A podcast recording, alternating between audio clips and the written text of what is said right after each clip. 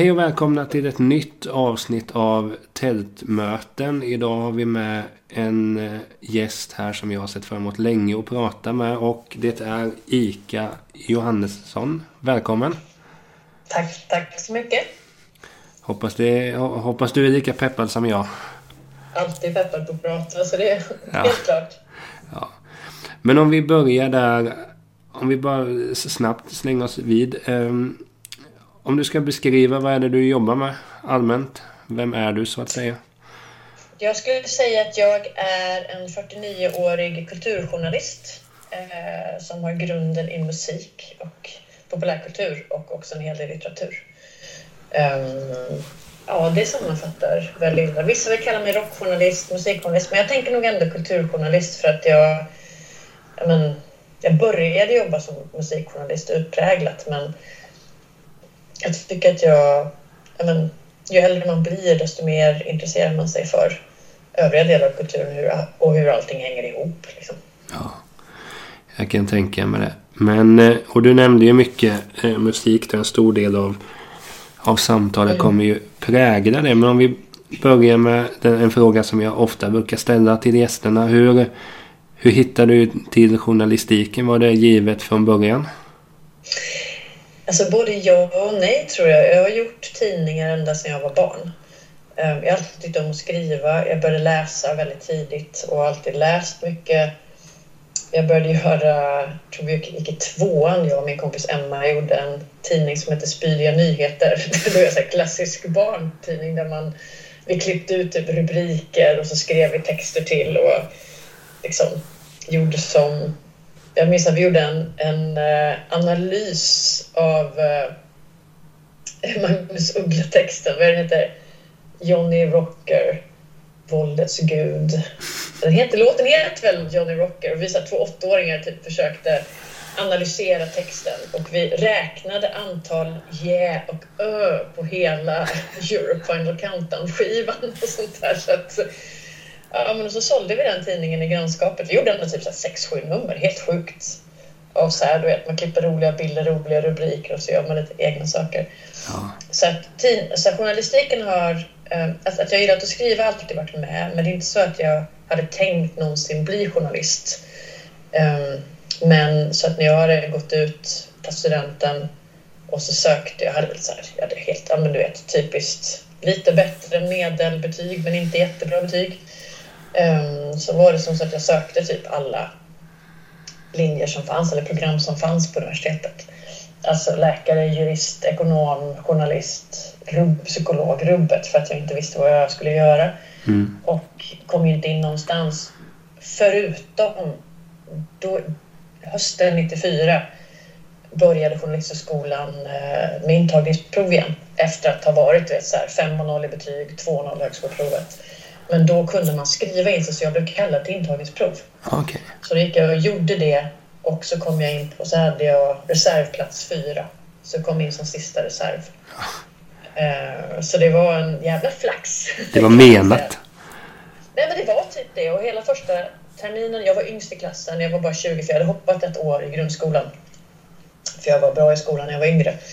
Och, uh, så jag var yngst Sura satt längst bak, alla satt längst fram och bara så ville vara del av tredje statsmakten. Jag visste inte vad tredje statsmakten avsåg. Jag visste inte vad en ingress var. Men eh, i mitten på andra terminen så hade vi vår första praktik och det var eh, praktik på landsortstidning. Och då hamnade jag på Örebro-Kuriren. Och redan första dagen, jag blev utskickad på ett så här gesällprov eh, på ett så här bakningsgymnasium. Eh, och, eh, och bara kände att det här är det jag ska göra och tyckte att det var helt fantastiskt. Och sen dess, jag, ja det är våren 95 och nu är det 2023. Nu kan inte jag räkna, 28, 28 år då. 28 år sedan jag insåg att jag ville bli journalist. Ja. Gud, det är ju helt svindlande. Det är inte så det känns. Det är inte så det känns alls. Men jag har jobbat ja, 25-26 år i år professionell som journalist. Sjukt. Ja. Men jag tänker så här, när du gick eh, journalisthögskolan där. Var det många, är det många av dem du gick med som jobbar kvar i svängen idag? Det är faktiskt så, just för att vi var den första klassen med eh, intagningsprov. Ja. Så att eh, klassen före oss var det skitmånga som hoppade av.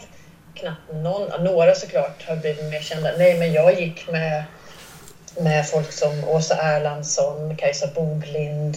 Åsa har ju varit med här i podden förresten.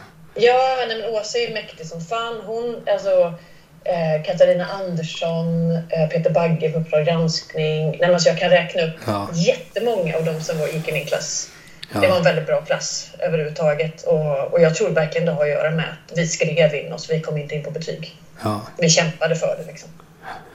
Nej men det vet man ju själv. Jag, jag jobbar ju som lärare. Det är ju på både gott och ont det här med betyg. Visst det säger en hel del men det är en hel del det inte säger. Ja, absolut. Så att, ehm, nej, det... Jag var fortsatt ganska skoltrött under Journalisthögskolan. Jag hade min terminspraktik på Journalisthögskolan, i alla fall förr i tiden, så hade man praktik en hel termin och då var jag på Hallands Nyheter i Falkenberg som var helt avgörande för mig. En extremt bra, jätteengagerad eh, handledare som heter Anders Lindström. Och fick skriva hur mycket som helst. Jag fick ha hand, jag, fick, jag började recensera faktiskt enda gången jag, alltså är man tjej och skriver om musik, i alla fall på 90-talet, då vill ju alla att man ska recensera. Just för alla ville bryta man, den mansdominansen. Men jag har aldrig varit bekväm med att recensera. Jag har ju, och jag har väldigt sällan skrivit krönikor. Jag har varit väldigt obekväm med att skriva utifrån mig själv. Alltså med ett jag-perspektiv eller tycka till. Jag recenserade i Hallands Nyheter och sen recenserade jag lite kort i Groove. En tidning som fanns, på den tiden var den liksom på tidningspapper, tvåfärgstryck. Men sen, sen 97 har jag inte recenserat och eh, vill inte det. Jag har aldrig...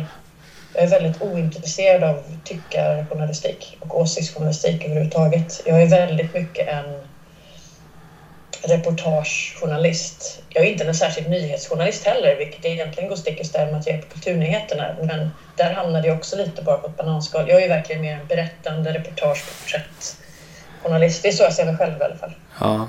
Det jag tycker är kul. För det var ju lite kul. ehm, när jag eh, hörde talas om ditt namn första gången så var det så att jag hade just börjat läsa Filter. Och jag är från Hultsfred och du skrev ju ett reportage om Hultsfred. Så jag vet att jag tänkte sen när jag läste det. Jaha, ja det här kommer ju... ah, Kommer du från Hultsfred, du fattar allting i alla fall. Mm. Men så läste jag det jag bara, det här var ju... Det här var ju bra. My- mycket, mycket som man inte hade koll på. Visst, man, man, jag kunde ju säga på förhand vilka som kommer vara med där. Det, den var ju självklar så. Ja, ja. Och in, inget fel i det, utan de, de är ju... De har ju bidragit extremt mycket. Och därigenom så läser man, kollar upp sen lite så här vad du har gjort. Och det var ju då jag kom till att jag fattade att du hade skrivit blod eller död också. För en kompis som jag hade nämnt det finns en bra Om du inte riktigt fattar Metta så finns det en bok som du kan läsa. Ja, ja, visst, visst. Han var ju så här, han, han, de- den killen var ju. Jag lyssnar bara på In Flames, ingenting mer. Allting är skit. ja. Tänker man att, ja, men kan man ta det på allvar när han bara kör den grejen? Tänkte inget mer på det, men bara så här av en slump någon kväll att jag gillar ju ändå den här musiken. Jag kollade upp boken, i köpte hem den. Kanske för två, tre år sedan eller någonting. Minst en gång per år läser jag den ju för det är så mycket intressant hela tiden. Det var som nu inför vi skulle göra den här podden kände jag bara att ja, men jag läser den en gång till. Då har jag allting uppdaterat. Jag ska läsa det innan fotbollsmatchen. Och, och då, jag hejar på Arsenal, så spelade du om så kände jag bara att ja, men, de borde vinna det här i alla fall. TVn får vara på i bakgrunden. Jag läser. Ja, de vann också matchen så det, var ju, det gick ju bra på båda håll. Win-win. Nej, men vad glad jag blir. Grejen att jag skrev, jag höll ju på, vi höll ju på så fruktansvärt länge med den där boken. Ehm, och jag, jag var ju med och startade tidningen Filter. Ehm, precis efter, jag hade en annan tidning um, först som hette tidningen Sex som var en, en fråga svar-tidning om alternativ populärkultur som jag hade mellan 2002 och 2007 med Veide Gustafsson. Som, ehm, ja, den, vi gjorde tio nummer. Och sen så fick vi ett barn och då var vi tvungna att döda vårt, eh, vårt andra barn, det vill säga tidningen. Ja. som inte jag både och. Men i precis när jag var höggravid med min första dotter, så, mitt första barn, så, um, så ringde Mattias Göransson och skulle uh, starta Filter. Så, då, så jag var med från början, men det är inte så många som vet det för att vi jobbade ihop men um, ja, men hade inte riktigt samma åsikt om hur man skulle göra och sådär. Så att jag hoppade av efter två och ett halvt år från Filter Mm. och, eh, och började jobba på Kobra. Ja. Och grejen är att i samma veva, ganska snart därefter kom boken. Och anledningen till att jag överhuvudtaget är på TV, det är, jag är ju skribent. Jag ser mig själv som skribent i grunden. Jag är Mm. inte TV-person, jag är inte radioperson, även om jag har jobbat mycket där också. Men, och även om jag har varit på SVT i 13 år nu. Men, men det är för att vi sysslade med boken i sju år. Och när man skriver för Filter, Filter är ju en reportagetidning som håller väldigt hög kvalitet. Och allt jag skrev i så många år skulle vara 50 000 tecken, det bästa som någonsin skrivits inom det ämnet. Mm. Och det var, så, det var ju mina, min målsättning för boken också. Så att jag fick en sån otrolig skrivkramp i och med att boken kom ut, som fortfarande inte helt har gått bort. Alltså jag skriver några texter om året, jag skriver för Vi läser och för Dagens Industri Weekend och så. Men det är otroligt mycket svårare för mig att skriva nu än vad det var före boken och filter. Och jag kämpar fortfarande för att komma över det för att alltså, jag har sån, jag har extrem prestationsångest. Oj. Och jag, jag tror egentligen att enda sättet att komma över det, det är att skriva mer. Mm. Men så halkade jag in, när jag började på SVT därefter, Filter, så var jag redaktör för Kobra, kultur, ett kulturprogram som fanns förr som var jättemagiskt att få jobba med, reportageprogram. Ehm, så var jag redaktör där i fem säsonger. Och sen så skulle jag bli utlasad från SVT, men så behövde de programledare på Kulturnyheterna. Och jag har alltid gillat direktsändning, för jag har kört eh, program på P3, jag hade P3 Pop för jättemånga, 20 år sedan. Nej, 23 år sedan. Sjukt. Men 2000-2002 så hade jag P3 Pop och eh, jag gillar direktsändning jättemycket. Jag tycker väldigt mycket om den nerven i det. Och jag hade aldrig någonsin tänkt på att bli programledare i TV i hela mitt liv. Men, men de var, men kan du inte testa? Jag bara, ja, men jag testar. Och jag hade inte riktigt någon annan plan eftersom jag inte kunde skriva ihop pengar för jag hade skrivkramp. Ja. Så då började jag hoppa in extra på Kulturnyheterna så jag har varit kvar där sedan dess. Ja. För att jag tycker att fortfarande att det är lika roligt med direktsändning. Ja. Allra helst när något går fel. Då tycker jag det är allra roligast. Jag måste improvisera. Jo, men jag, jag kan... ehm, ja, nu har jag ju aldrig gjort direktsändningar, men jag kan tycka det är li, lite likadant när man spelar in de här poddarna. Att låt säga att, att vi skulle sitta exakt en timme. Målet är ju att klippa bort så lite som möjligt. Mm, Sen är det klart om, absolut. ja, om jag skulle tappa ett glas eller någonting. Ja, men det kan man ju klippa bort. Men i regel försöker jag ju klippa så absolut så lite som möjligt. Just för att ha Ja, men kvar den en här... Det är en utmaning att sätta tiden, sätta allt sånt. Jag tycker sånt är, det är skitkul. Ja, och där kan, där kan jag ju känna sig för att jag, jag lyssnar på supermånga poddar och så är man, tänker man bara sådär själv. Ja, men, prata med någon om någonting man har gemensamt. Eh, ja, med musik i ditt och mitt fall och lite sådär. Det kan ju inte vara så svårt. Men det är ju supersvårt. Japp. Om man tänker de här, vad ska man säga, professionella eh, poddarna. Det måste ju vara... Tänk, alltså jag, jag vågar inte ens tänka hur... Jag för mig jag läste... Jag lyssnade på en sportpodd som heter Snett inåt bakåt. Mm. Där brukar väl avsnitten ligga på, säg en timme, en och femton kanske. Men de nämnde någon, någon gång någonstans, om det var någon intervju eller podd, sådär att de sitter i tre och en halv timme och ska spela in. Herregud, stackars klippare. Ja, det låter ju som... Alltså all, all heder mot alla som har varit med. Det, det låter ju som en... Mm. Jag, jag kan inte prata så länge.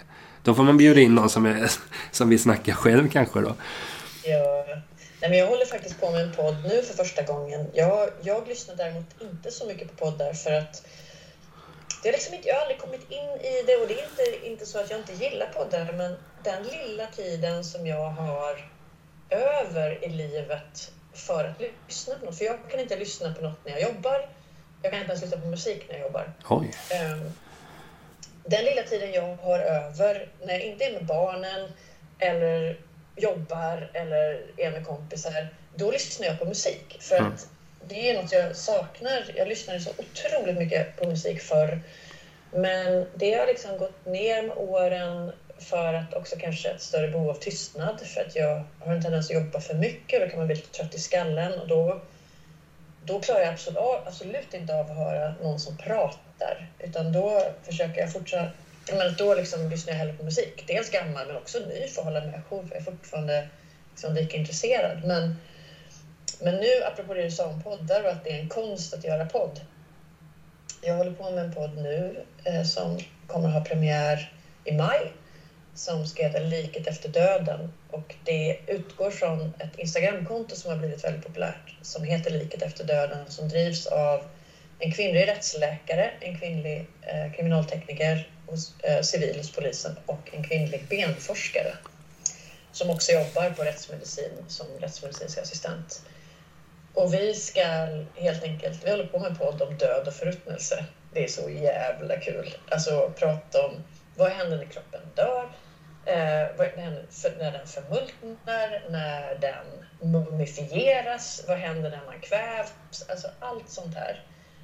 Men det som jag också kommit på, för de avsnitten ska ju vara ja, men en timme ungefär.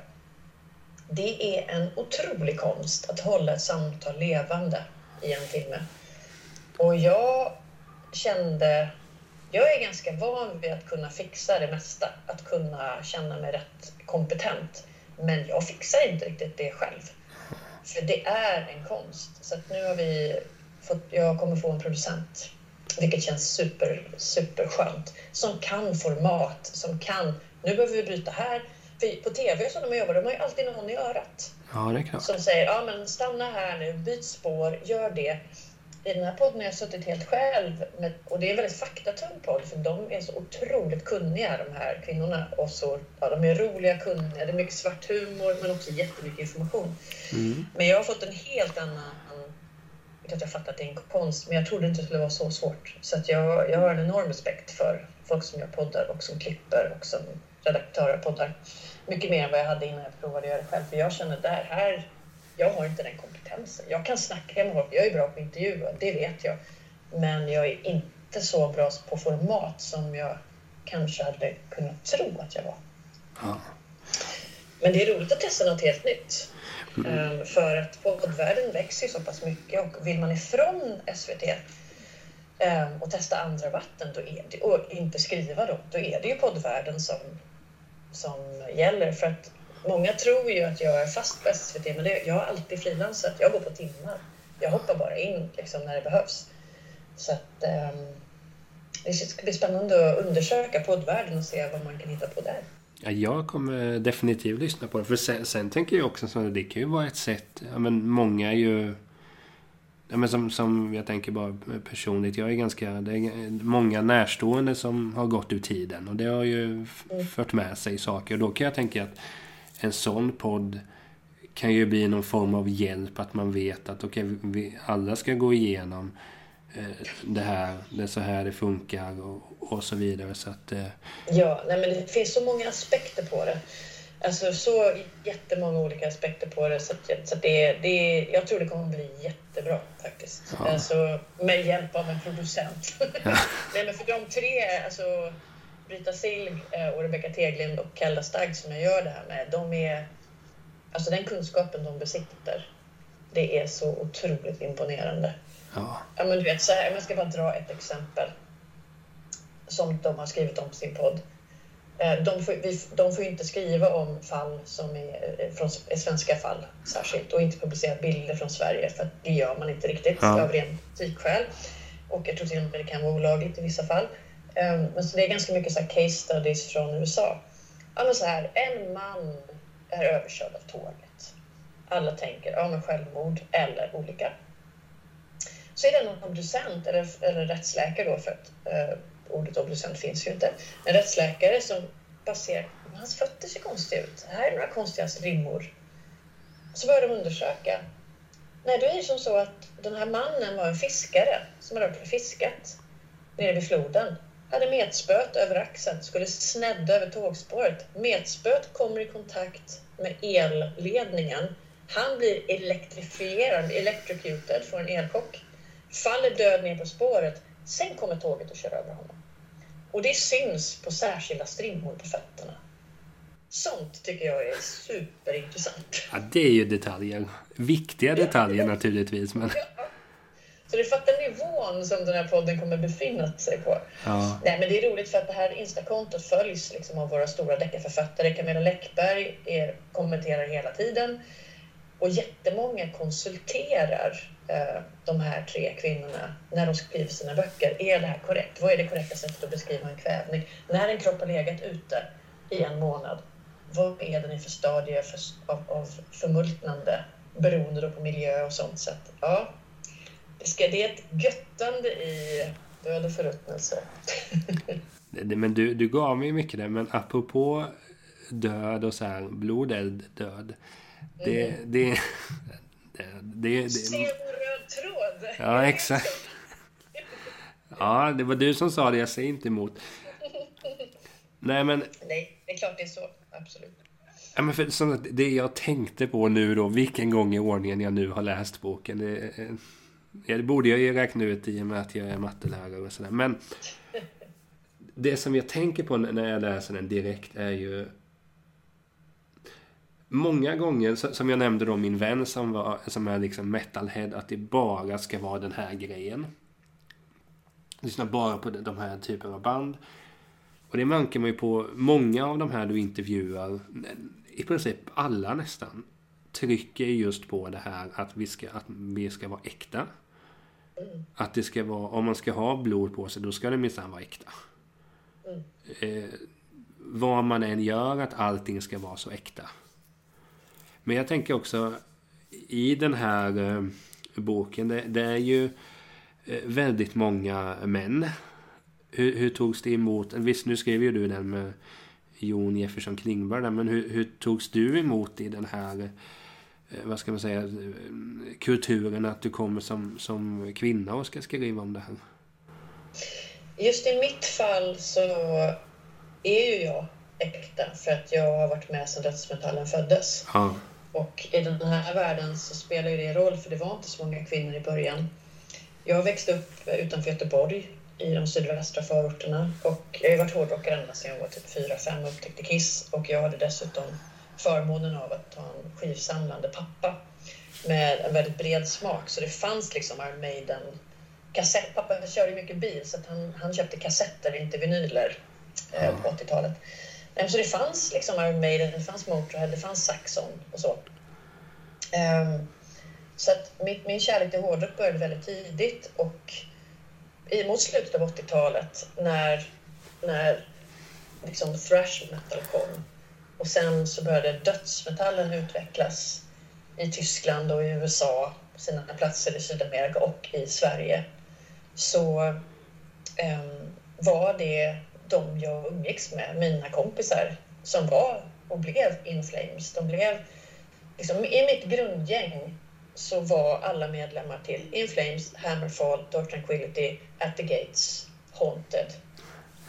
Allt det här kommer från samma umgänge som jag hängde med från det att jag var 15-16. Så, så du har hängt i Bildal?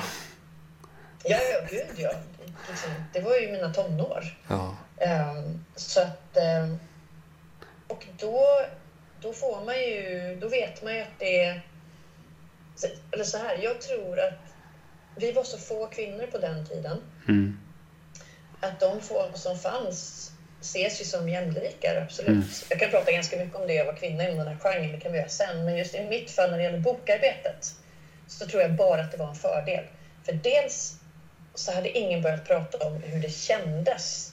Nu, nu, för jag tog framförallt eh, black metal-kapitlen för jag är intresserad av black metal. Mm. Jag älskar döds jag lyssnar mer på döds som black, men jag är mer intresserad av black som genre eftersom den är mer extrem. Mm.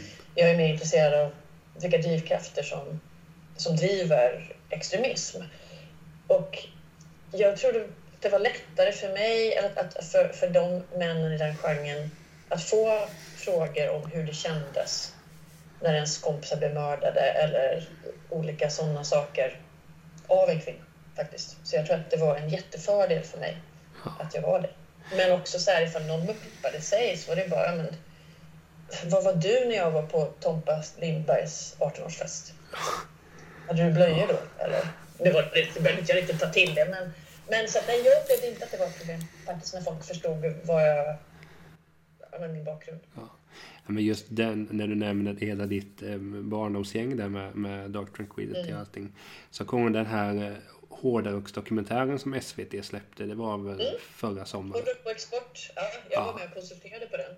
Ja, det kan jag tänka mig. Jävla drömjobb. Men då kommer jag ihåg också, vet inte vilken av de här fyra avsnitten, men när de pratar med Stanne. Redan där kände jag ju bara att kan jag få liksom sju timmar med honom eller någonting? Det hade varit en dröm. Fantastiskt. Ja, men han är så bra på att snacka också. Ja, men, ja, det hade varit, alltså det är en av de största drömmarna som jag har med podden. Att sätta sig ner och snacka med honom om, om alla hans band. För han är ju... Ja. Det är helt sjukt att man kan vara så kreativ. Men då när han ska börja prata om... För ofta när man har hört ja, men det här är Göteborgs döds. Jag är ju från Kalmar och Hundsfred så jag tänker bara okej. Okay, det var lite runt om i hela Göteborg. Men så när man bara går och pekar. Jag bodde där. Den bodde där. Den andra där. Den andra där. Det var ju liksom det var grannskap. Jo, men det är ju en förort. Det är ju Billdal. Sen var det någon... Björnarna bodde väl, räknades väl till Hovås, kanske. Eh, Christian Wåhlin bodde i Hovås. Jag bodde i Askim. Alltså alla ligger i samma kommun, men det är som en buss. Som ja. de också tog upp. Liksom. Jag lärde ju känna det här gänget på bussen till förorten. Jag får åka buss mer helt enkelt. Åkte, men alla åkte samma buss. Ja. Nej, men på den tiden, sent 80, tidigt 90, så hade ju liksom inte, det fanns ju inte skinnjackor och nitbälten på samma sätt som det finns idag.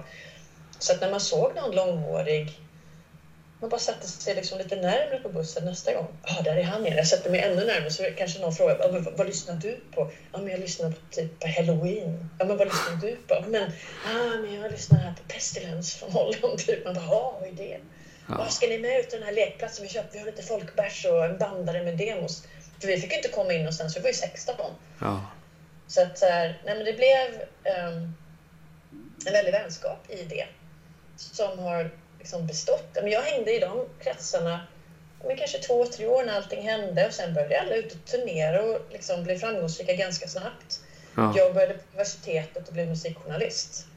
Um, andra i det gänget en kille som heter Mattias Lindeblad till exempel. Han är ju del av den här duon Mattias och Melker som har gjort massa dokumentärer för SVT om till exempel Okej okay och Sivert Öholm och W.A.S.P. Och de hade ju också ett hårdrocksprogram ett tag. Mattias ingick också i vårt gäng. Han var den första jag lärde känna på bussen. Så att säga, det, det är intressant att det var att det är så många som, som faktiskt gjorde en karriär av det på olika sätt. Ja. Så att vad jag kände när jag och Jon låg och pratade, vi var bekanta på helt andra sätt via medievärlden i Stockholm. Jon, alltså min medförfattare, är lite äldre än vad jag är. Han är född 68, jag är född 74. Han eh, kommer från Norrland, jag kommer från Göteborg och vi liksom började bara prata en dag. Bara, men fan, nu har det gått 20 år. Vi kanske borde sammanfatta det här. Så det var så det började. Ja. Och sen att det tog så lång tid, det var massa olika skäl. Men livet, man får barn, man, man skiljer sig.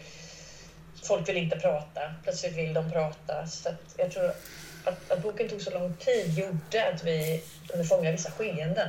Ja.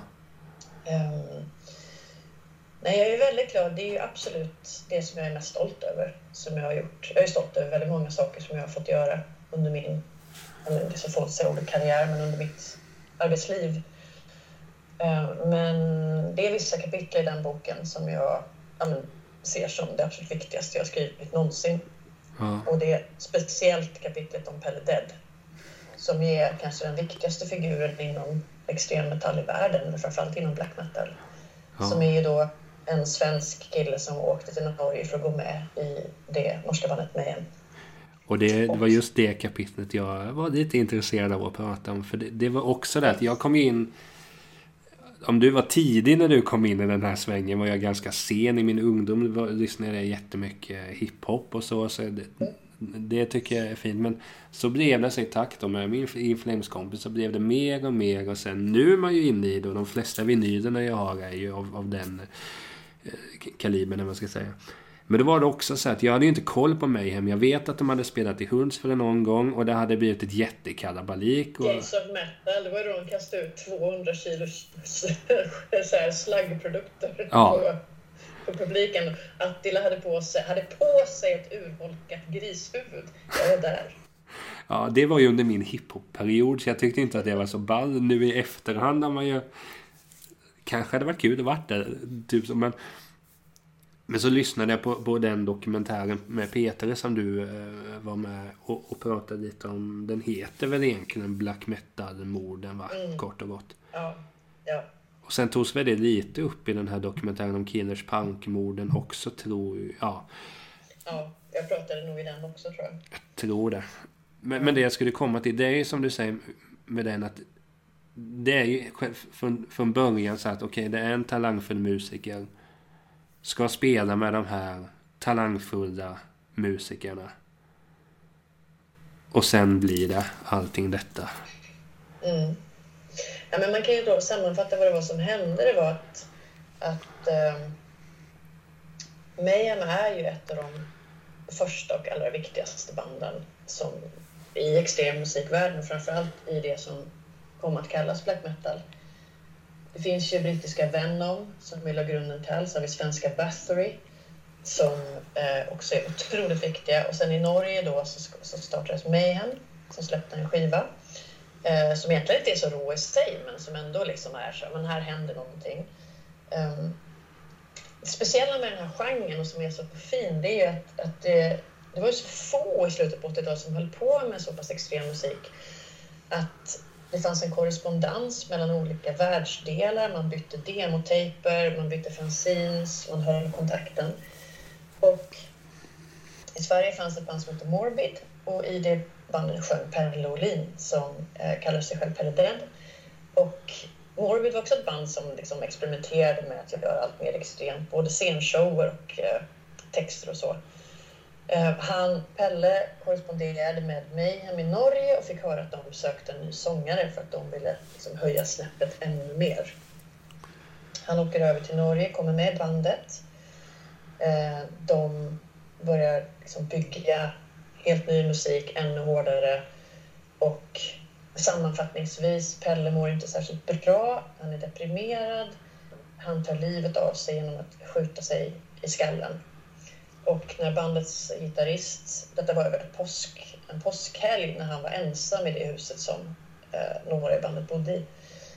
Och eh, när gitarristen Euronymous kommer tillbaka och ser då att Pelle har tagit livet av sig så eh, går han och köper en engångskamera och går och tar bilder på Pelles lik. Sen ringer han ambulansen.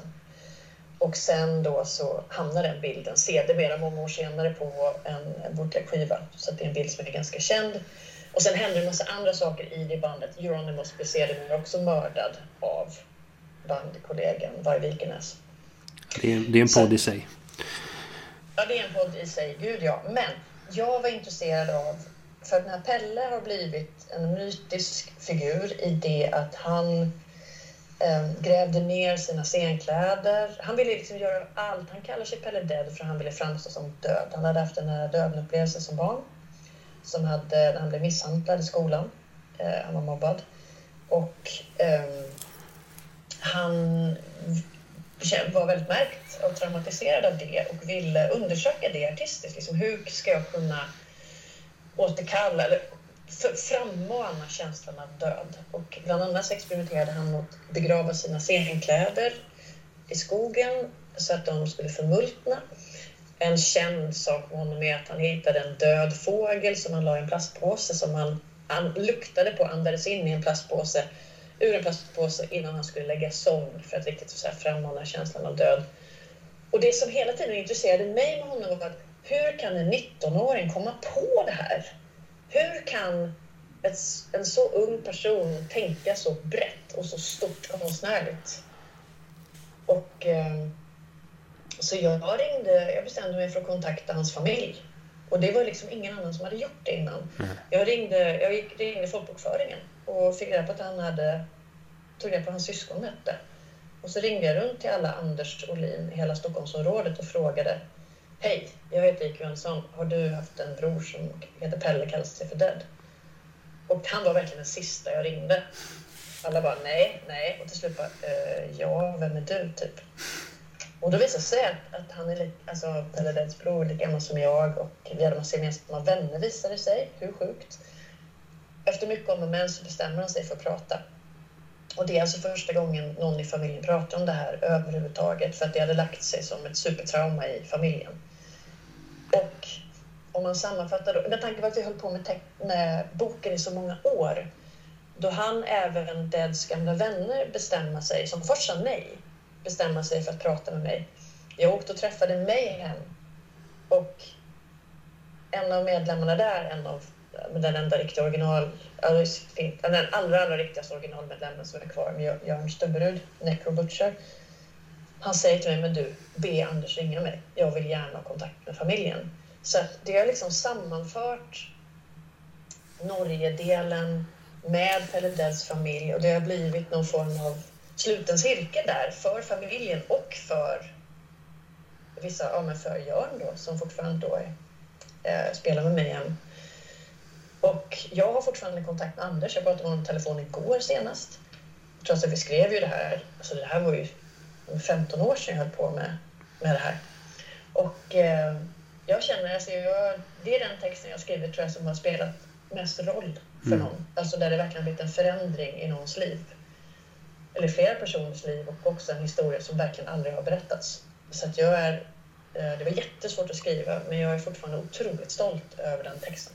Ja, det ska du vara. Det... Men det är också det som är intressant att det finns ju inte så mycket mer om Dead än vad du har skrivit. Nej. Nej, men det är också min historia som upprepas nu i alla dokumentärer och så. Ja. För att jag menar, han levde ett väldigt kort liv. Han var en speciell karaktär. Idag har han ju fått en diagnos på en sekund. Men mm. på den tiden var det, en, det var en tid när man inte fick det. Liksom på gott och ont. Jag märker det att det är ganska många av de personerna som har fört genren framåt hade fått en diagnos på där det varit aut autismspektra. Direkt. Ja. Och det, it makes you think ändå. Vad hade hänt om de hade, du vet, hade det blivit samma genre då? Ja. Om man hade fått, ja, jag vet inte, svårt att säga. För att samtidigt är det jättemånga som har fått hjälp i livet också av diagnoser. Men, men det är intressant hur konstnärligt tänkande, hur det idag kan problematiseras kanske. Ja, men det kommer jag ihåg, jag minns att jag pratade med entreprenören Per Holknekt en gång. Mm. För ett tag sedan. Eh, så, så började vi prata om skateboard och sådär. Så sa han det till mig att så bara eh, la han upp några, några skate-legendarer. Så här, vet vad alla vi har gemensamt? Börjar man tänka... HD. Ja, exakt. Jag börjar tänka, har ni vunnit någonting? Och det är exakt som du säger. Alla vi gick, gick i obsklass. Och bara berättade. Den har skapat det här. Den har gjort det här. Den har gjort det här och så vidare. Och vi ser ju där att de blev ju inte trodda på där men äh, det var ju, alltså det var ju, jag kommer inte ihåg vilka namn men det var ju liksom i paritet, det var ju riktiga skateboardlegendarer. Men just då som du säger att de, ja men, vi, vi håller dem där borta, de får göra någonting annat. Men tänk då de här misfits, vad de skapade och det är som du säger, det är ju samma sak i musiken och det är ju inte bara i, i metal-svängen utan det är ju likadant överallt. Ja. Nej, och inom konstvärlden. Ja. Nej. Det, nu låter det som att jag är emot diagnoser, det är jag absolut inte. Men det var, det var första gången jag verkligen tänkte på det. När, när eh, beskrivningarna av de här människorna var så väldigt lika. Mm. Eh, att man har en förmåga att inte ta in omvärlden. För det är ju svårt att inte ta in omvärlden. Ja. Att, att, när man skapar något helt nytt då måste man ju vara, tro på sig själv och inte ta in andras åsikter. Och det, är, det är ju svårt. Särskilt idag. Ja. Med, när, när allting är så offentligt.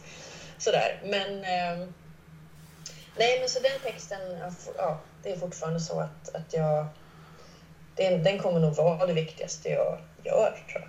Ja. Man hoppas att jag kan göra något lika viktigt, men det är också helt fint om vi inte gör det. Ja, det är väl den där podden och Nej. Ja, exakt. Sen var det ju, du nämnde ju Battery också. Det är också en sån där band som jag har börjat fatta nu. Jag känner mig fortfarande att jag är nybörjare i den här svängen. Mm. Jag tänker ju bara som med det med Göteborgsgrejen att det är bara för något år sedan jag började lyssna på Dark Tranquility och sådär. Och då jag fattade, mm. va? Har, har de liksom bytt band med varandra? Shit. Så det förstår jag har en bit kvar. Jag hade inte kunnat känna mig att jag var true och gjort en sån bok. Jag, jag har mycket kvar. Ja, nej, men jag har ju inte heller lyssnat på all, alltså, Jag har själv inget direkt true-tänk och det tror jag inte det är så många som har heller som är närmare sig 50. Alltså, det tillhör ju ganska mycket ungdomen. Men även om inom black metal kanske att det lever kvar lite längre. Ja. Men, eh, ja, men det är det som är så bra. Nu har du ju supermycket kvar att upptäcka och det är också en gåva. Ja, gud ja. få ha kvar det kvar. Nej, men det som var så fint med, med Battery där var ju också hur kärleksfullt alla pratar om Ace. Och sen just den detaljen att skivan är inspelad i Peter Himmelstrands studio. Det, det var ju också när man läste så här bara, två världar som är så otroligt långt ifrån varandra. Ja, fantastiskt. Ändå kan kombineras. Ja, nej, Men- men, verkligen. För, det- men det var ju också där med Ace just att... För Jonas Åkerlund var ju med och, och, eh, och snackade där också. Just det här att... Det var också så fint när, när man inte riktigt förstod... Han nu tappar jag namnet för Ace pappa. där, Att han... Börje Forsberg. Exakt. Mm. Att han var, var med som... Alltså, var med och styrde mycket av detta. Ja, det var ju han och Corton som gjorde allt. Och bara vet bara insikten av att den ultra råa musiken och den hemlighetsfulla artisten och att hans då evig producent Boss, ja, det var hans dansbandsproducents pappa. Ja. Det är ju alltså... Det kan, det, det, alltså you couldn't make this shit up, liksom, på riktigt. Ingen skulle kunna hitta på det till en film. Nej. Det är så jävla fint och deras relation var så fin. Jag träffade ju Börje innan han gick bort, han är död nu. Men han kan ju fort, kunde ju fortfarande inte då ens prata om Ace utan att börja gråta. Men För det... att man förstod hur otroligt nära de hade varit. Ja. Ehm, och högst sannolikt för att Ace också var en ganska speciell karaktär. Liksom. Och kunna dela det då med sin son. Ja. Det, det, det, är väldigt, det, finns många, det finns många obehagliga historier i boken men det finns också väldigt många fina historier. Mm. Och det var ju också lite sen när, det... Det var ju också när jag läste den första gången det här bara... Eh, så nämndes ju att eh, pappa Börje hade flyttat till Bruzaholm. Mm. Och det är ju inte... Ja, men det är ju där nere ja. Exakt. Det är, ju- och där tänkte jag ju bara så här, Min morfar bor ganska nära. Bara så här, det här ska jag ta med morfar. Jag måste åka dit sen. Jaha, han är död. Fan också. Men just vetskapen att man har ändå varit ganska nära varandra. Men jag tänker på det, hela metal, eh, eller black metal och Mayhem. Såg du filmen Lords of Chaos när den kom eller? Mm. Absolut. Vad vad- vad känner du om den? Jag är lite, jag är lite tudelad. Mestadels positiv. Alltså, det är svårt för mig som kan så otroligt mycket om faktan.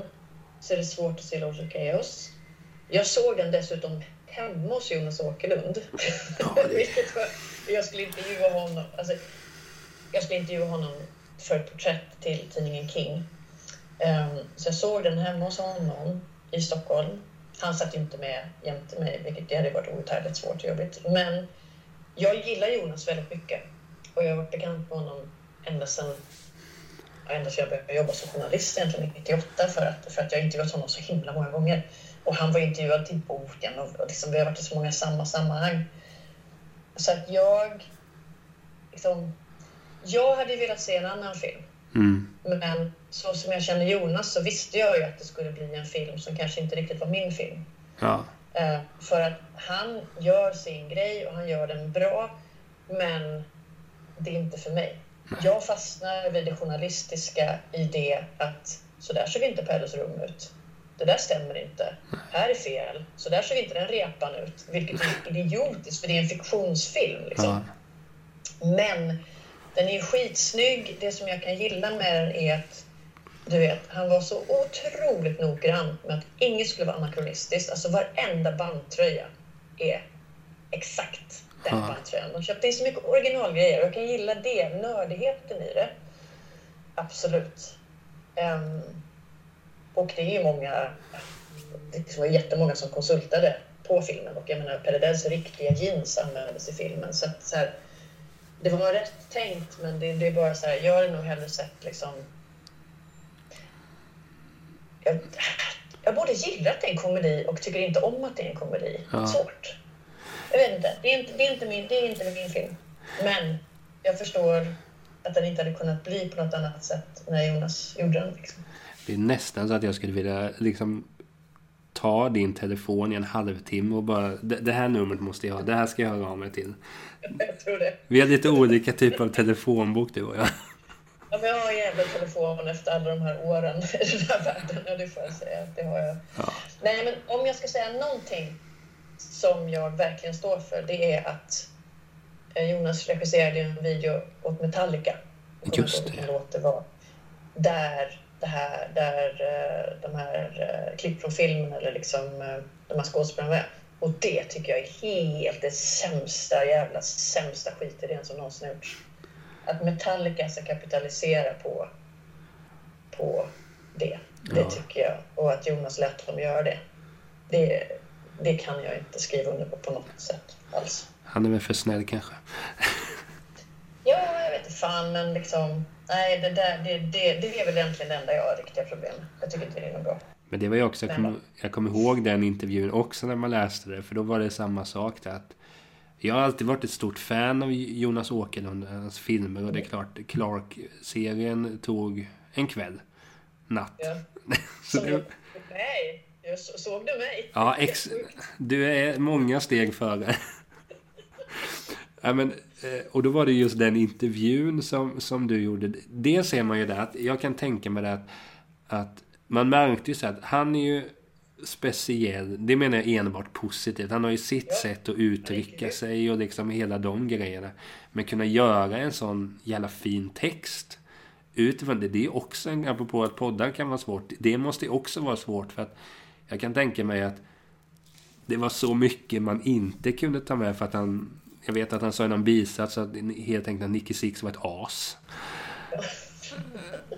Men menar King-texten nu eller menar du... Jag intervjuade ju Jonas i DI Weekend om Clark. Ja, King var det. Den, den med Clark har jag inte hunnit eh, läsa än. Eller jag visste Nej, inte om den. liksom. Nej, men jag skrev lite om, om hur det var att vara med i Clark överhuvudtaget. Hur det var att liksom överhuvudtaget ta del av något sånt. För jag har ju aldrig, och kommer aldrig antagligen igen någonsin vara med i något sånt sammanhang. För det var så konstigt. Men, eh, nej, men King-texten där, han, han bara dräll. Alltså det, han är ju en sån citatmaskin. Va? Ja. För att om du tycker att min telefonbok kan vara mäktig, då pratar vi, då har vi, du vet så här, då har vi inte överhuvudtaget funderat över Jonas Åkerlunds telefonbok. Nej. För den är, eh, den är... Nej, men det känns som att skulle man haft med honom i en podd, bara så starta, berätta allt nu bara. Tio timmar senare. Ja, nej, men eh, nej, han är, han är grym. Men jag tänkte ap- apropå Clark där, för den scenen du är med i, det, det är en, en kort scen. Mm. Och då har han lite det. Men det var ju också så när man satt och tittade. För jag visste att Kristoffer Trium skulle vara med. Mm. Och sen bara... Va vänta, paus. Och det var ju samma sak. Det var, ja men exakt. Men det var ju samma sak de här när... Eh, Mikael Åkerfeldt är ju med i en sväng och, och snackar lite. Och det tog ju lång tid innan jag fattade att... Nicke Ström i Nationalteatern och Nynningen är med. Eh, Rebecca och Fiona är med. Tobbe Forge Ghost är med. Ja, men Jonas berättade det att eh, han har aldrig velat göra film eh, hos TV Sverige för att han tycker att svenska skådespelare är så dåliga. Så att då bestämde han sig för att eh, när då han bestämde sig för att göra Clark, att då ville han ta in så mycket statister som han kände eller som han tycker är roliga, som, som han bara kunde. ja, Så, ehm, så då fick jag frågan om jag ville vara då journalist på den här ganska kända presskonferensen när Clark Olofsson eh, har utbildat sig till journalist på ett fängelse. Jag kommer inte exakt ihåg vilket det var nu. Ehm, och det är en sån känd presskonferens som sänds och sändes Aktuellt. ja. Så att jag satt och kollade lite på den och så var jag och Kristoffer flög ner till Vilnius under pandemin. Vilket jag hade på riktigt separerat från alltså, alltså en riktig e- vidrig breakup tre dagar innan. Ja. Så jag bara grät dygnet runt, var så jävla knäckt av den här separationen från min, min dåvarande pojkvän. Och så åka ner till ett nersläckt Vilnius och typ spela med i en tv-serie. Nej men alltså det är fortfarande känns som en dröm att jag varit där överhuvudtaget. Ja. För att det var, allt var så jävla konstigt. Men hur lång tid tar en sån scen att spela in egentligen? Eller? Det tog skitlång tid. Nej, men vi kom dit, man blev sminkad jättetidigt på morgonen och jag fick ju då papiljotter. Jag ser ut som min mamma, typ 78. Och, eh, och ehm, nej, men man tar ju om. Jag förstår inte hur man kan vilja bli skådespelare. Man tar ju bara om och tar om och tar om. Och så det en annan kameravinkel. Så säger man allt igen och igen och igen. Och då tror jag ändå vår scen var jättesnabb. Så att vi höll på i fyra timmar kanske. Ja, och i filmen kanske det är en, två minuter. 1.30? Ja. 1.30 kanske i filmen. Men du fick ju Det uppleva... klipper ut för Jonas jävligt snabbt. Ja, Nej men det var skitroligt. Vi hade ju varsin replik när vi satte oss på planet. ja, Och den innan så fick vi fem repliker till. För han skriver ganska mycket allt eftersom tror jag. Så det var bara typ att ah, okej fine. Ja, ja, då får vi bara plugga in det här på hotellrummet. För att baren var ju stängd. Man skulle inte gå och ta en bärs ens eftersom det var lockdown. ja. Så Kristoffer kom till mitt rum och vi satt och övade och bara så här. Nej men det var, jag tyckte det var jättekul men jag har aldrig haft några skådespelarambitioner överhuvudtaget. Nej, Och det var jättekul att se processen. Eh, asroligt. ja. Men jag fick ju inte riktigt som att så här, oh det här vill jag göra jättemånga fler gånger. Vi får se om Jonas ringer någon annan gång. Då kommer jag säkert säga ja. Ja. Men, eh, men eh, ja, det, var ro- skitroligt. Och Men- det, och bara få se hela produktionen var jävligt kul. För det kommer jag också när, när jag tittade på den. Då satt jag... De första avsnitten såg jag med min syster. Och så var det här när, när Erik Danielsson var med. Mm. Så, tänkt. Mm. ja, så tittade jag sen. Då var det samma sak som när jag såg att du var med i den journalist... Eller presskonferensen. Vänta nu. Okej. Pausa bara. Jag har sett det här någonstans och bara... Kan det vara det? Knappa på datorn och så var det det. Det var ju likadant med, med, med Erik. För jag vill minnas att först är det ju Nicke Ström och Stefan Sundström. Och det såg man ju direkt vilka det var. Och sen Erik kommer bara. Då såg jag med min syster också bara paus. Och hon undrar bara, ska du på toa hämta chips eller vad som helst? Sitter jag bara och tittar. Jag känner igen det där. Och bara liksom gör så ett par, tre gånger. Och hon, blir inte, hon, hon hotade med att hon skulle gå hem eller någonting. Köper det fullt ut. Och så såg jag det bara i eh, credit sen bara. Ah. Och så, och så vart man ju skit. Bara, där var han. Det där var coolt. Och så. Sitter ju min syster. Hon, hon är ju inte intresserad av den här scenen. Bara, ja, du spolade tillbaka tio gånger. Men hon tyckte att han verkade snäll. Ja, det är han. Ja. Nej men han passar ju på liksom, för jag menar, det som också är roligt med Jonas som också är väl är anledningen till att vi blev vänner ganska direkt när man träffar på varandra gånger, det är ju hårdrocksprylen. Ja. Liksom. Det är ju någonting som, som är... Det finns ju givetvis sammanhållning och communitykänsla inom många genrer. Ja. Men jag vill nog nästan ändå mena att hårdrocksgenren är extrem. Att har du samma bakgrund, är du uppvuxen med samma band, då är det som att okej, men då kan, då kan man hänga hur mycket som helst nästan. Att man får som en koppling. Eh, Jag håller på just nu med ett projekt som vi kan prata om senare där jag, där jag funderar just mycket över det här. Communitykänslan. Varför är det som så att man direkt känner ett släktskap? Ja. Nästan, nästan till brödraskap med någon. Som, eh, som också gillar hårdrock. Och med referensvärden och sådär. Det ja, jag har inte något riktigt svar. Jag har teorier men jag har inte något riktigt svar på det. Men, men jag tror att anledningen till att vi kom så bra överens di- direkt, det var ju man direkt fattade, okej men vi, vi, kommer, vi funkar på samma sätt. Man kommer Mm. från samma värld. Men det är det som är det fina med det också som, som eh, du nämnde att du såg min Ghost t-shirt. här. Det är ju klart att Mm, vi hade ju kunnat prata säkert en timme om hela den grejen. Och det ska man absolut. tack och lov kanske inte spela in i sådana fall. Men, eh, nej men och det, och det är den har delen man... direkt frågat om så här i nyinspelningen av Spillways med Joe Elliot i Def Leppard, varför hör man Joe Elliot så jävla lågt? Som jag har pratat jättemycket med, med andra metalfolk som också gillar Ghost och Def Ja. Leppard. Det kan jag prata en halvtimme om. Till Ja, exempel. Men det är inte så intressant för så jävla många andra kanske. men när jag är i Stockholm nästa gång så får jag höra av mig så får vi, får vi boka upp ett par timmar. Ja. Med det här. Nej men och det, och det är likadant. Det jag egentligen kan, kan känna. Det är nu man har börjat förstå mer och mer så att okej jag lyssnar på detta, du lyssnar på detta. Ja, men vi, vi, vi har, vi, nu snackar vi lite om det här. Det är ju likadant om man märker att, ja men jag då som hejar på Arsenal till exempel. Skulle jag se att du har en Arsenal t-shirt på dig eller mm. någonting. Minns du den där säsongen? Jädrar du. Absolut. Och så är det liksom igång och det, det är otroligt vackert.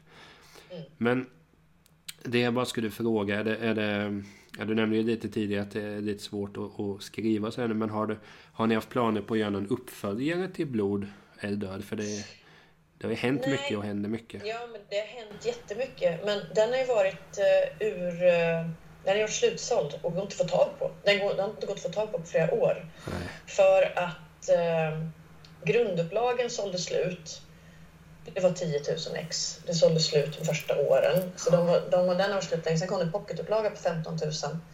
Och um, jag vet inte exakt hur många av dem som såldes. Men sen så det förlaget, jag vet inte om det lades ner eller under vad det var. Men så att de drog tillbaka boken. Så jag vet att det var massa, massa ex som destruerades. Jag vet inte hur många. Men så att jag, den går ju för fan för 400 på Tradera. Det är helt sjukt. Så min plan, min och Jons plan, är ju att vi vill ha en nytryck. Men då måste vi eh, uppdatera den. Dels är det kapitel ur originalutgåvan. Då, då ligger vi fortfarande LG. Då fanns det fortfarande bara ett entod. Ja, det är klart. Just det. Men, vi uppdaterar den till den amerikanska utgåvan eh, med att då finns det två entod. Eh, och vi uppdaterar den, nu kommer det på franska snart och då är det då ändå fotnötter om att ja, men nu har LG liksom gått bort och så. Men så det skulle behöva gås igenom på det sättet. Men man skulle också behöva, jag har ett förlag, eh, det var att de bara, men, ja, men då får du göra två kapitel till. Ja. Och jag har hunnit göra det, men de två kapitlen skulle jag säga är ganska solklara. Det är Ghost och det Sabaton. För det är, de det är de stora historierna som måste berättas. Och eh, och det tänker jag att jag ska ta tag i i höst när jag är färdig med mina gigantorprojekt under våren. För jag vill ju väldigt gärna att boken ska finnas. Ja, den, den boken kommer jag ju naturligtvis förboka och allting där. Men grejen är att då måste ju alla som har den första utgåvan köpa den andra också. Det är världens bästa tricks. Ja, det är smart. Nej då, men jag skulle tycka det vore kul att göra det på nytt och liksom... Jag måste bara hitta tiden för det finns ju inga pengar i det överhuvudtaget. Och det är det, är man frilansare och vi vet ju alla vilka ekonomiska eh, det ekonomiska läget vi alla befinner oss i nu så är det inte som så att man kan jobba så jävla mycket utan pengar. Nej. Och att frilansa inom kulturvärlden överhuvudtaget är ju inte lukrativt alls. Så att eh, det, det, får bara, det får bli om jag har tid och råd att skriva de två kapitlen.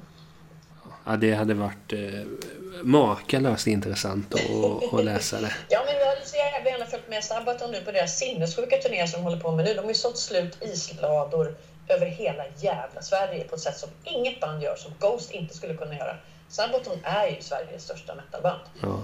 Inte utanför, de är bland de allra största utanför också, men, men Ghost är större utanför Sverige skulle jag tro. Men här, du vet, de säljer ut en islada i Kiruna. Vem i helvete gör det i Sverige idag? Det är inte många mm. band som kan göra en sån turné som de gör nu. Så det hade ju varit guld att vara med på den.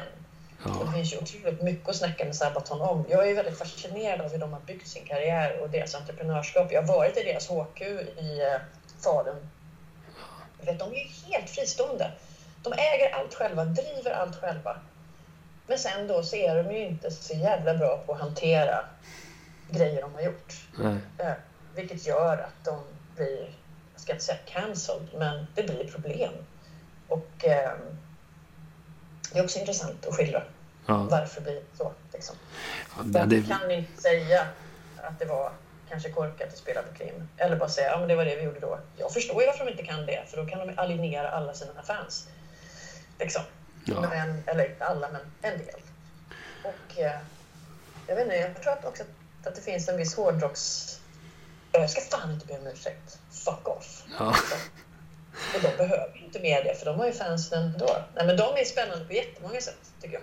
Ja. Jag har haft eh, Per, basisten, i så panelsamtal och sånt. Det är liksom otroligt mycket tankar som ligger, och planeringar som ligger. Och jag är ju någonstans någon form av entreprenör själv, att jag har drivit egna tidningar och grejer.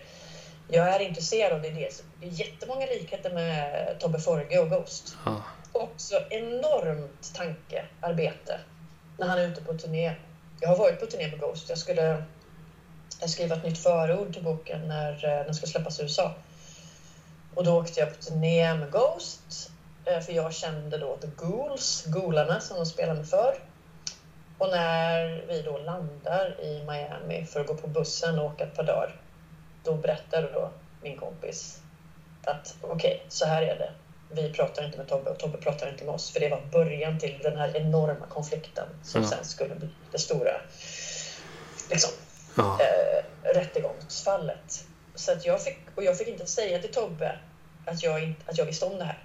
Så att jag åkte på bussen med dem ett par dagar i den stämningen som det var och fick inte låta som att jag visste något. Ja, du skulle bara li- liksom låta som att... Eh, ja, Jag låtsas som att allt var helt fine och bara intervjua Tobbe bara så "Ah", så här. Nej, det var helt bisarrt. Men ehm, så det blev ju inget. Jag kunde inte använda det till någonting. Och sen nu så kommer de ju aldrig kunna prata om det där, någon utav dem, för att det var ett sånt non-disclosure disclosure agreement när man gör upp liksom utanför. ja. Så att, eh, men ja, jag har en jävla massa stoff som jag aldrig kommer kunna använda. Nej, men jag är också en sorts journalist. Alltså jag tycker inte om... Jag går ju sällan emot... Alltså jag är väldigt, väldigt, väldigt generös med att kolla citat. ja.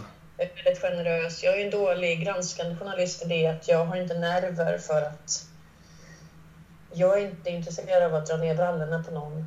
Jag är intresserad av att skildra saker. Så att jag skulle aldrig, om någon säger nej men du kan få skriva det här. Jag kan bråka om det. Jag bråkade om grejer i boken. Jag blev ju hotad för en del saker som står i boken. Särskilt i liksom politikkapitlet då. Ja. När man pratar om nazism och sånt och folk skällt ut mig. Jag bara, men nu sitter du och jag här med en dansspelare. Då har du ett ansvar. Du måste tänka på vad du säger. ja. Du kan, du kan titta på och se, är det här korrekt eller är det fel? Där kan jag vara hård, men i övrigt så jag avslöjar inte saker som fuckar upp. Alltså, det är inte så jag... Jag har inte nerverna till det riktigt. Nej. Så att säga. Men jag tänker på... Nu har du... Ja, men, har, vad har du för några andra projekt på, på gång nu? Är något musikrelaterat eller? Ja, jag har ju ett gigantiskt musikrelaterat projekt som jag håller på med i vår. Och det är följande. I Berlin så sitter de nordiska ambassaderna på samma plats. Eh, på samma område. De delar ett kulturhus som är öppet för allmänheten. Och i det kulturhuset så hålls det utställningar på löpande band. Både nationella för de fem nordiska länderna och eh, nordiska.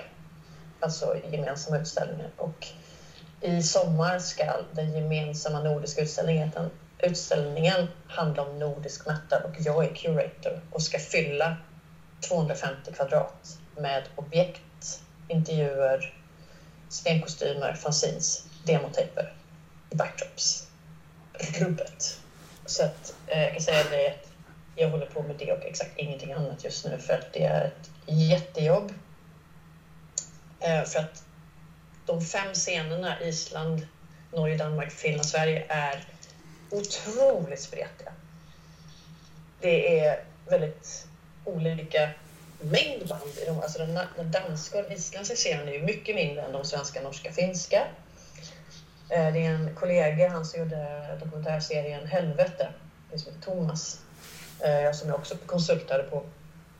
Han ska göra en utställning på Nationalbiblioteket i Oslo om norsk black metal. Han berättade om sin utställning. Han bara, först kommer vi in i ett rum med skog. Där sätter man stämningen. Sen kommer man in i Grieghallen där man får lyssna på Pyttens inspelningar. Och jag bara, jag vill också göra en utställning om någonting som är sammanhållet, liksom litet, Ja. där alla rör sig i ungefär samma världar.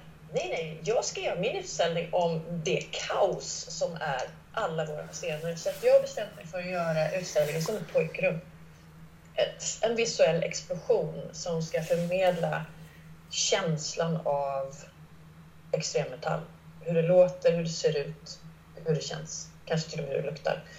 Um, så det håller jag på med just nu. Jag var i Norge förra veckan och intervjuade Mayhem, Dimmy Borgir, Enslaved, Gal och en tjej som gjort även många loggor och omslagskonst. och jag ska åka runt till resten av länderna också. Så ska jag klippa ihop intervjuer på olika teman till tv-stationer. Och så åker jag runt och samlar saker. Samlar backdrops, samlar, försöker få Lordi och låna ut scenkläder för det vill den finska ambassaden jättegärna att jag ska ha. Ja. Försöker få tag på King Diamond, försöker få tag på Lars Ulrik. Tittar på olika demosamlingar, funderar på vad kan jag ställa ut som inte snos. Du vet, och så sen, det här är en utställning som är i Berlin. Det får inte finnas någon åsiktskoppling någonstans. Ens en, en du vet, liten droppe av nazikoppling. Ja. Då har vi lite problem inom black metal-världen till exempel. Inom särskilda länder, jag ska inte säga vilka, men Finland. Men eh, liksom det, nu kommer ju alla finnar bli jättearga, men det finns faktiskt mer problematiska band där än i flera andra länder. Men, så det är en superutmaning, men otroligt roligt. Jättekul. Och det kommer vara, det är vernissage den 25 maj och den kommer vara öppen hela sommaren fram till den 29 september och så kommer det vara Alltså gratis inträde för alla som kommer till Berlin. Så alla måste åka och titta på den. Den kommer heta Der harte Norden, Heavy Metal aus den nordischen Ländern. Men det är inte heavy metal utan det är extremmetall. För att hade vi haft heavy metal då hade det varit så mycket att jag inte hade vetat vad jag skulle göra med det. Så att jag behövde avgränsa det. För det är just inom extremmetallen som vi ju verkligen har, alltså thrash uppåt, som vi har karvat ut vår egen nisch här uppe i nord. Så det sysslar jag med och eh, jag ska säga dig att eh, nej, jag får trycka på bröstet när jag pratar om det för det är så mycket att göra. Men Ja. ofantligt kul. Nej men det är kul. Du gör den grejen. Jag har mattelektioner. Men båda fyller sin funktion. Ja, det är så, ibland kan jag bara känna vad fan sysslar jag med? Liksom. Ja. Men det är väldigt, väldigt roligt att få använda det jag kan och min journalistiska eh, kunskap i ett helt annat forum. Ja. Dels, och sen samtidigt göra podden samtidigt. Och det är också ett nytt sak. Så det är mycket nytt. Så jag sänder nästan inga kulturnyheter alls i vår. För att, att sända kulturnyheterna, att vara på SVT, då kan jag liksom inte ta andra uppdrag. För det är så hårda regler kring jäv och sånt Just. tiden. Eftersom både höger och vänster ligger på SVT och public service har blivit en valfråga och så. Så, att, eh, så jag sänder i stort sett ingenting. Har en paus därifrån. Och eh, bara fokuserar på det här. Ja. Så att, eh, ja, nej, det går fan ingen nöd på mig vad det gäller. Jag har, har det så jävla bra i det att jag får göra så fruktansvärt roliga saker. Alltså jag kan inte fatta det själv. Det är så jävla kul. Nu svär jag som en borstbindare, men det är ungefär så det känns. Det är liksom en sån eufori. Trots att det är jättejobbigt samtidigt och världens jätteutmaning och superprestationsångest. För att jag vill givetvis göra den absolut fetaste metalutställningen som någonsin har gjorts. Ja, det... Sen finns ju ingen budget såklart för det är skattepengar så det är inte så mycket pengar men du vet så jag bara pressar allt för att det var så kul att åka till Norge och prata du vet, jag försökte förklara du vet, för Dimmy Borger och sånt där. De bara, är det är klart, man gör 110 procent, man bränner ut sig, men det är det värt. Jag bara, ja, det är det värt. Säger de det så är det väl så. Nej men det är, också, det är ju värt så mycket att åka runt. Jag tänkte lite så här, jag var så jävla trött när jag kom hem från Norge. Jag bodde i Oslo, i Bergen. Men du vet, jag var hemma hos Necro Butcher. Nu är jag ju bekant med honom apropå liksom, hela Pelle Dead-arbetet och kapitlet. Så jag var hemma hos honom. Ja, men bara så här, men fan, Jörn, får jag låna mig Jens första backdrop? Han bara, ja får du. Jag bara, tack. Du vet. Jag bjuder på nästa öl. Får jag låna en, får jag låna en scenkostym? Men de bara, ja selvfølgelig får du låna det. Och grejen är, det kan man inte mejla om. Om jag hade mejlat dem, okej Jörn kanske för honom känner det, men jag hade träffat Dimmy Borger. Om jag hade mejlat dem, hej jag är tjej från Sverige, får jag låna er scenkostym? Det är mycket svårare, så jag måste nästan åka runt och träffa samlare. För att de ska fatta att jag vet vad jag sysslar med och att jag har, vad mina liksom, avsikter och ambitioner är. Så Ja, jag får bara pallra mig runt. Poor me, boohoo. ja jo. Eller hur? Visst är det synd om mig? Ja, jo. Nej, men så att det... Ja, men du vet, det är svårt att begränsa sig. När det, det, du vet, hur ska jag få med allt? Hur ska jag göra urvalet? Det är svårt. Men så jag ska faktiskt träffa Magnus Bron i helgen som ju stod inför exakt de här frågorna när han gjorde hårdrock eh, på exportprogrammet som Ja. görs då bara i Sverige. Men för att det måste ju, mål, kärnmålgruppen är ju trevliga tyska medelålders par som är intresserade av nordisk kultur och kommer till Fälleshus för att se den nya utställningen. Ja, Så de måste förstå. Men så kände jag med, när jag skrev boken också. Jag har ju egentligen den, det målet med allt jag gör. Jag vill att liksom, min mamma ska kunna fatta allt. Ja. Så jag har, jag har ju verkligen ganska starkt folkbildningsmål i det jag sysslar med. Eh, men Magnus är ju så väldigt, han har gjort så fruktansvärt mycket bra saker för SVT som både funkar för en bred publik och för de smala. Så det är det, tilltala en bred publik men gömma juveler för Die Hard-fansen som Mayhems första backdrop. Som Jörn och Euronymous målade, när de målade pentagrammet så drog de outlinesen med hjälp av Euronymous mammas längdskidor. Men det är du vet, it's too good. Det är, det är inte ofta jag tyst länge men... eh, inte ofta någon tjatar hål i huvudet på dig som jag gör. Men det är så, jag är fortfarande så speed, jag är så mitt uppe i den här processen. Så jag märker, jag har svårt att sluta prata för att jag är liksom... Jag har haft en hel dag där jag har ringt och pratat med du vet, death metal-bokare i Danmark. Bara, kan du fixa det fanzinet till mig? Jag har pratat med, ja, med Kulturrådet i Berlin. Hur gör vi med det här? Hur gör vi undertexter på tyska? Jag håller på att planera ett programblad som ska se ut som ett fanzin. Jag behöver spellistor från alla olika länder. Vem ska göra den? Vem ska göra den? Så att jag har, slut, jag har svårt att sluta prata om det när jag börjar för att jag är så väldigt uppe i varv kring det hela. Ja, det... Ja, det ja. Jag mäk, Du ska andas. mäkta avundsjuk. Det, alltså det... Jag tyckte bara så att, att, att du har skrivit boken är coolt nog. Att du har hängt i det, liksom hela den Göteborgskopplingen, det är coolt nog. Och det här liksom på det. Det, är ju sinnessjukt. Ja, jag känner själv att det är lite sinnessjukt. Men om man ser till andra projekt. Jag har ett annat bokprojekt som eh, påminner om Blod eller död. Men som inte... Eh, det är lång väg kvar. Eh, men jag håller på tillsammans med en journalist som heter Kristoffer Rösslund så håller jag på att göra en liknande reportagebok fast om, om den svenska kängpunkscenen genom Anticimex. Så det är i grunden historien om Anticimex. Um, men att berätta om kängen. Um, döds och black metal-världen är ju väldigt mycket mer, om man säger spännande i det att det finns mord, det finns satanism, det finns kyrklänningar. Ja. I kängvärlden så finns det ganska mycket pipebacks, alkoholism och folk som fortfarande är tjackisar och väldigt Mm. mycket död. Mm. För det som är intressant det är ju liksom punk i Sverige. När folk säger tänker på svensk punk, då är det 77-punken med Ebba Grön, KSMB, allt det. Och när man ser punkdokumentärer på SVT till exempel, den som gick nu för ett par år sedan, då tänker man ju att del 3, då är det 82-punken. Men då är det ju att 77-punkarna har blivit entreprenörer.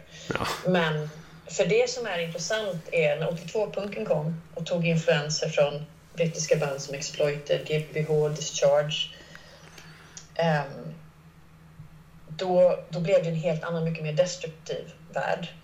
Det var ju den absoluta underklassen som, som spelade i de banden. Och vår tagline för boken är Ingen punkare utanför Sverige vet vem Joakim Thåström är, men alla vet vem Anticimex Jonsson är. Och det är inte en överdrift. Alltså Anticimex, bröderna Cavalera i Sepulturas favoritband är Anticimex. Duff McKagan älskar Anticimex. Det har startats massa japanska kängband på svenska för att man älskar Anticimex så mycket och andra svenska kängband som ja, men, eh, gud, nu är jag så trött så jag står helt still, men som eh, Mob 47, som G-Anks, som Mm. eh, Dis... eh, Åh herregud, hur kan det stå stå still? Ett Göteborgsband. Skjut mig i huvudet, hur kan jag inte komma på det? Ja, alldeles oavsett. Ja. Eh, så att vi har under flera år eh, gjort intervjuer till det här och de livsödena som de här... Det, här, det är en historia om ett svenskt tidigt 80-tal där det finns en värld som är liksom ja, men, otroligt hård. Mm. Där folk, där det är enorm misshandel, alltså föräldrar blir av sina föräldrar, alkoholism, arbetslöshet. ehm, mycket då på Västgötaslätten, alltså Skövde, Mariestad, där Anticimex är från. Så att precis som vi gjorde i Blod eller död så vill man ju sätta, en form av samhälle, sätta det i en samhällelig kontext. Liksom, varför händer det här nu? Varför kommer 82-punken som ett svar på 77-punken? Du vet, hur... Ja, jag ska börja med att Simex Jonsson får, får en yxa i huvudet. Um, alla som har hängt i punkkretsar har en Jonsson-story. Ja. Och det är liksom... Det är ett otroligt inflytelserikt band som i stort sett ingen i Sverige vet vad det är. Men den boken har några år på sig i det att eh, det är väldigt svårt att få tag på och ha att göra med aktiva tjackisar. Kan Tro mig, tänka det. det är otroligt svårt. Jag har varit i Malmö tre gånger för att träffa en person som har ghostat mig varje gång. Och som sen skickar ret mess. Och det gör mig galen. Ja, det kan jag tänka mig. Men vi hoppas att det ska bli av någon gång för det är, det är otroliga historier. Jag kan tänka. Ja. Det är inte ett medelklass-Sverige alls. För mycket av 77-punken kommer ju ur medelklassen. Det här kommer ur den absoluta lägsta arbetarklassen. Ja, den kommer köpas när den väl är klar. Det, det kan jag lova Om dig. den någonsin blir klar. När ska jag hinna? Men eh, för som sagt, det finns inga pengar att skriva böcker. Alltså, vad fan har jag fått ut på Blod eller död som tog sju år att skriva? 100 000? Tutti? Kanske? 100, 120? Ja, DVD, dividerat på sju blir inte... Det blir inte Och jättemycket. då pratar, vi, då pratar vi tre eller fyra utgåvor av den. Nej, men det finns inga pengar i sådana här böcker. Nej. Men det innebär inte att de inte ska skrivas. Men då, man måste ju också leva. Och, eh, nu har man barn att att vara med och eh, försörja. Men lågan brinner ju starkt fortfarande. Det är ju mer energin som tryter när man närmar sig 50. Liksom att hinna göra allt och orka med att göra allt också vara en bra förälder. Till, jag har ju två tonårsbarn Ja. och det tar tid liksom, att att försöka försörja sig så. Men de lyssnar på Men, bra eh, musik hoppas jag. Ja, det gör de. Fast det är helt olika. Alltså, min äldsta är helt försänkt i den slaviska postpunkscenen. Det finns en vitrysk, rysk och ukrainsk syntscen. Det största bandet heter Molchat Doma. De har varit här och turnerat. Men som är skitstor. Och det finns också en massa gamla 80-talsband. Så Franka eh, ägnar sig väldigt mycket åt att lära sig ryska. Och att ta ut de här romaniserade texterna Ja. Alltså först översätter de till engelska eller på typ av bokstäver. Och, eh, så hon ägnar sig jättemycket åt det och min yngsta Cora lyssnar väldigt mycket på popband från Brighton eh, som är kända genom Minecraft. så, det, så här, jag känner så här, de får lyssna på vad fan de vill. Men jag är bara glad att de lyssnar på musik och att jag är glad eh, att kunna se att nörderiet har gått i arv. Att vilja köpa merch, att vilja sitta och följa grejer. Um, sen, får det, sen kan det ta vilket uttryck det än vill. Men tycker om att den passionen har gått i arv.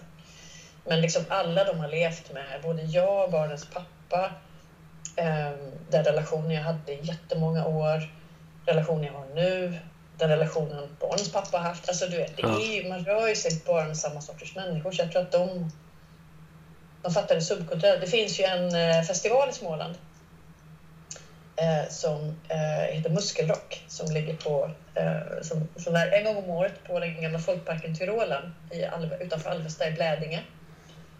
Och den har funnits i typ snart 15 år tror jag. Ja. Och jag och min äldsta dotter eh, har varit där och volontärarbetat sedan hon var 11. För Cool. att vi var där över, för det, det drivs bland annat av några medlemmar i ett eh, rockband som heter Bullet. Och jag är bekant med gitarristen i Bullet och vi skulle byta en hög Okej-tidningar som jag hade mot en cykel som han hade. Så jag åkte förbi med ungarna och då var det en barnfestival på Tyrolen i en sån riktigt vacker gammal folkpark. Och då stod han i lyckohjulet och så frågade han barnen, vill ni hoppa in och stå lite? Och eh, där har ju liksom personalen bott bakom folkparken i cirkusvagnar och det är liksom en så här ganska alternativt le leverne där. Och Franka blev liksom helt försänkt i det och bara jag måste tillbaka hit. Så jag bara okej men ska vi hyra en husbuss och åka ner och jobba på Muskel då? För att min äldsta är liksom väldigt så, hon kan ta att se, fylla tidigt. Hon har suttit mina, med mina gäng som jag är där med och liksom hört både det ena och det fjärde men hon har alltid kunnat hantera det. Så att hon var helt knäckt. Vi var där två år före pandemin och hon var helt knäckt under pandemin och så var vi där nu i, eh, i somras igen och då skulle hon precis fylla 15 så då fick hon köra moppe, sin första moppe där. En gammal Push Kansas från 60-talet. Och nu ska vi dit i, i juni igen och jobba. Då står vi i lyckohjulet och i bollkastet. Ja, du ser. Vi är runt och eh, så tittar hon på alla som festar och spelar. Och eh, så går vi hem och sover i husbilen som jag hyr. Men det är det som är så intressant och det är likadant eh, nu när jag jobbar som lärare att man, man omger sig med en helt annan generation. Då kommer jag ihåg en halvrolig story. Jag vet att jag drog den för Strage när han var med här. Han tyckte den var kul i alla fall så vi får se om du tycker den är kul. Okay. Då var det en elev, jag behövde motivera den eleven bara så okay, men om, om du fixar detta provförhör så gör vi någonting som du har bestämt. Mm. Ja, men vad, vad då? Då? Nej, men vi kan lyssna på, på din... Vi lyssnar en skiva av ditt favoritband. Och så blir man ju superglad. Jag ska göra mitt bästa. Och så ser jag sen att eh, hon klarar det. Och bara, du, nu, nu, vad, ska, vad är det vi ska lyssna på? Så tittar hon på mig. Vi ska lyssna på Hovet. Uff. Och då fick man ju... Jag kunde ju inte säga det att aldrig i livet. Ja, men får man ju sitta där och bara så pausar ju hon, hon som jag när jag ser Watain-Erik på TV så pausar ju hon och, Ja men vad tycker du? Mm. Det har sin charm. Det har sin charm. Ja. Nej, men det är bara att byta upp. Men det är så det är. Liksom. Jag skulle aldrig säga att någonting som barnen lyssnar på är dåligt. Liksom. Det, det får man ju inte. Nej. Därför man vill inte döda passionen. För att så länge de lyssnar på något så ska man bara vara jätteglad att de kan få ha den världen. Så får man hoppas att man tröttnar på hovet. Jag är inte förälder så jag kan ju säga att saker och ting är dåliga. Nej. Ja, fan när ungarna höll på att lyssna på svinmycket den fruktansvärda podden I just want to be cool som är jättestor bland barn. Ja. Där bara folk skriker hela tiden. Då var det bara så här... bara, "Ah!" Men, eh, men det har de vuxit ifrån. För de är 14 och 16 så de är ju stora liksom. ja. Men jag ska inte hålla kvar dig så länge till. Men det var extremt kul att prata. Tack detsamma. Det var... Nej, det blir en bra start på, på nya säsongen här. Nej, men det var... Stort tack som att du tog dig tid och alla sådana saker. Att det... Att samtalet flög, så att säga. Det verkade så. I annat Ja, fall får jag klippa det till det bästa. Jag sa ju att det bara var att trycka på en knapp. Ja, Jag menade det. ja, Men det är också för att jag vet att jag är så fruktansvärt eh, uppe, uppe i varv. Så jag tycker det är roligt att prata. Det är Ja. därför jag blev journalist. Jag tycker det är kul att prata med folk. Jag tycker det, samtalet och mötet är asroligt. Och det är därför jag fortfarande tycker att det är väldigt roligt att vara journalist. och vem, för att få prata med folk. och vem vet, det kanske blir fler tillfällen. Du gör ju saker hela tiden så vi får, vi får uppdatera varandra. Nu är det det här projektet vi ska prata om. Nu är det det här. Nu är det ett avsnitt per säsong, Ike Johannesson. Absolut. Ja. Jag höra av dig. Nej, men som sagt det var superkul och jag eh, tackar dig att du är med. Eh, eller att du var med. Och så hoppas jag att vi hörs av framledes. Tack själv.